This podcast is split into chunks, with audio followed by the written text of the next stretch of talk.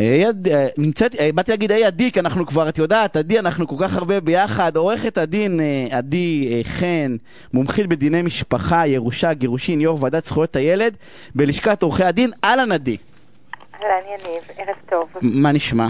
מצוין, תודה, מה שלומך? בסדר גמור. קודם כל, אני מניח שכולם שמעו, אבל אני רוצה ב- לנצל את תחילת התוכנית ו- ולאחל לכל תושבי הצפון, אני מקווה שהאירוע בצפון לא הולך לעימות גדול, אלא משהו נקודתי שידעו לפתור אותו, אה, אולי בניגוד לקורונה, אה, בצורה.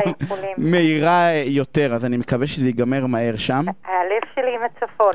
אה, לגמרי, את כל יודעת, המשפחה שלי אנחנו... בצפון. אז הנה, אז בכלל, אז הלב, ה... לא, לא רק הלב, אה, אני אקרא לזה הישראלי, אלא גם המשפחתי. הכל, עם כל עם ישראל, רק שיגנו ש- עלינו מלמעלה. שיהיה בשקט. תשמעי, עדי, אני, יש לי שאלה שמטרידה, מטרידה גם אותי, יש לי שלושה בנים, אבל מטרידה, אני חושב, כל הורה שיש לו ילדים בגירים, בגירים אני רוצה לתת לילדים שלי אה, מתנה לקנות בית, כמה מאות אלפי שקלים.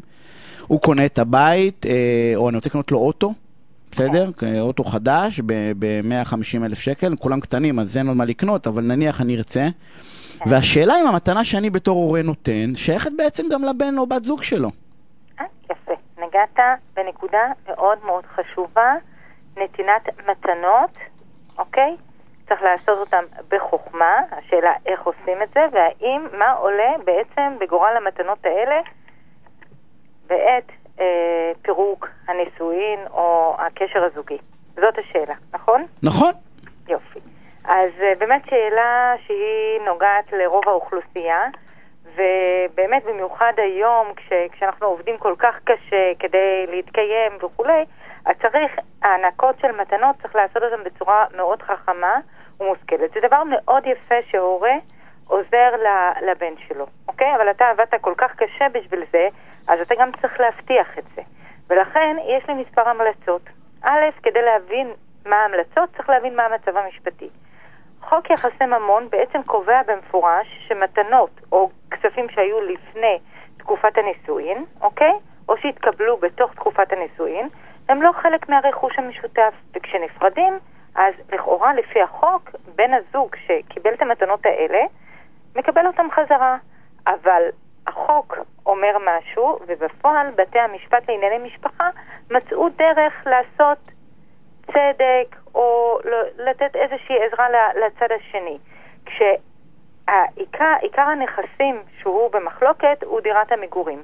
בתי המשפט לענייני משפחה ראו בדירות מגורים שהתקבלו מהורים של אחד מבני זוג כנכס משפחתי מובהק. אם יש לנו אה, אה, תקופת נישואין ארוכה, כמו 15 שנה, 14 שנה, אה, אם, אם הצדדים הביאו ילדים משותפים וגרו בדירה, אם אחד הצדדים שיפץ את הדירה והשקיע בדירה.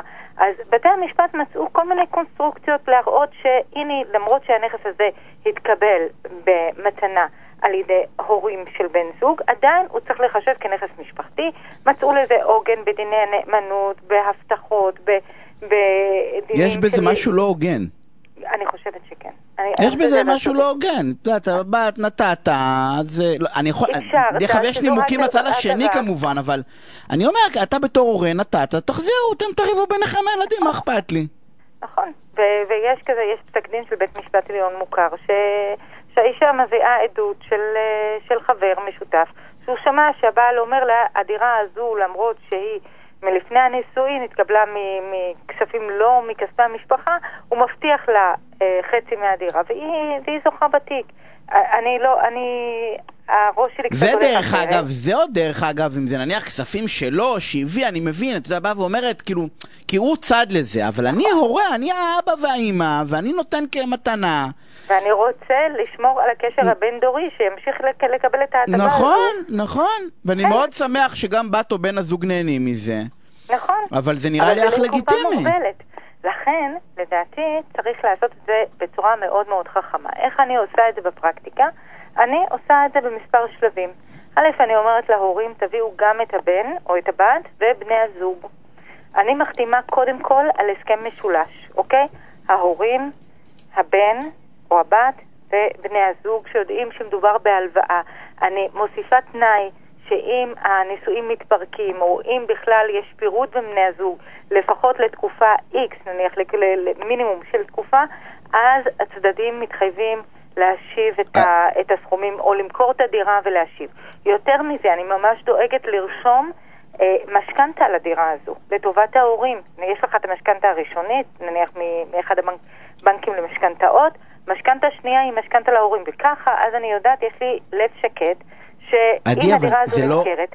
אוקיי, יש לך לב שקט, תסיימי רק את כן, המשפט. כן, כי צריך, צריך עוד משהו, זה לא רק גירושין, צריך לחשוב על עוד סיטואציות. לפעמים הסתבכות כלכלית, אוקיי? צריך באמת להגן על ההורים. לפעמים אחד הילדים עובר, מוכר את הדירה, או משעבד אותה מבלי שההורים ידעו, אוקיי? אז א'... הוא בעצם בס... מפסיד אותה לאנושים שלו. בדיוק. אז לכן, אם תרשום משכנתה, אתה מגן על וואי, ההורים. וואי, זה דרך אגב תירוץ מעולה, כי באתי לשאול אותך, כן. זה לא פוגע קצת ברומנטיקה? יש זוג שמתחתן, וההורים רוצים, את יודעת, לעשות שמח, ופתאום אומרים להורים, תשמעו, אם אתם רוצים לשמור על הכסף שלכם, אתם צריכים ללכת לפגוש את עדי במשרד, ולעשות כל מיני הסכמים. זה קצת פה, זה קצת, אה, את יודעת, זה, זה עלול קצת אה, להעכיר את האווירה. יניב, אף פעם לא נעים לדבר על כסף. בדרך כלל דיבור על כסף מביא גם לרגשות שליליים, אבל דווקא דברים שמתחילים בצורה מסודרת וברורה, ושהצדדים יודעים מה המצב המשפטי, וכשאתה מחתים את, ה, את אחד הצדדים שהוא יודע שמדובר בנתינה ובהלוואה, ואז הוא יקלקל את הצעדים שלו, הוא ידאג שיהיה לו חיסכון בתקופת הנישואים למקרה ולא תהיה לו דירה או לא תהיה לו קורת גג, ואז יהיה לו כספים כדי, כדי לממש, ד... לממן לעצמו אה, קורה. אבל, אבל, אבל נתת, נתת תירוץ מולה דרך אגב להורים שרוצים לעשות את זה ולא רוצים להפוך את זה כאילו, לא רוצים, את יודעת, להגיד, את, כן. אנחנו בונים, תגידו שזה כלכלי. תגידו שזה. כדי לשמור על הילדים, שאם חס ושלום יש הסתבכות, גם. אז הכל של ההורים והכל בסדר. וצריך לדעת איך לעשות את זה. צריך באמת לעשות את זה בצורה מאוד נעימה, להסביר לצד השני. זה לא משהו שהוא אישי נגדו, גם אם הוא היה...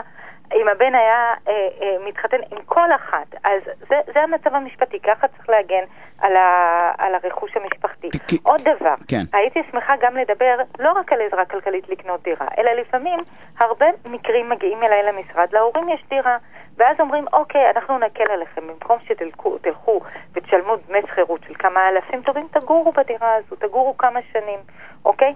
אבל גם פה צריך מאוד מאוד להיזהר, צריך שיהיה ההסכם יש בו תנאי של, של דמי שכירות, צריך להראות שדמי השכירות הועברו להורים, אפילו דמי שכירות מעטים, אבל צריך להראות כדי שאם שלא תהיה טענה אחר כך שנתנו להם זכות שזה... מגורים לכל החיים ואת כל מיני טענות שעולות. עין, בדיוק, זה קורה המון. אני, אני, רוצה, אני רוצה להגיד משהו, והזכרנו כן. את זה, שאני יודע שלהורים לא נעים לעשות את זה, ו- כן, ואני חושב שהם צריכים נכון. להתעקש על זה.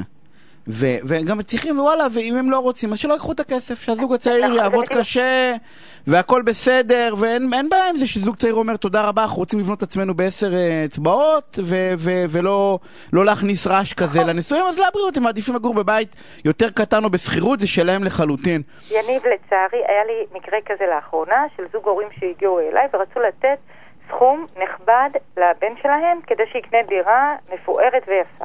ומדובר בזוג צעיר, הבן והכלה, ואז הכלה התקוממה, מה פתאום, מה פתאום מחתימים אותי, נכון. אמרתי להם, תקשיבו, אני עורכת דין שלכם, אני לא עורכת דין שלה, אני, שלא תיקח, שלי, אל תיתנו, לא, שלא תיקח, אין בעיה, לא באהבה.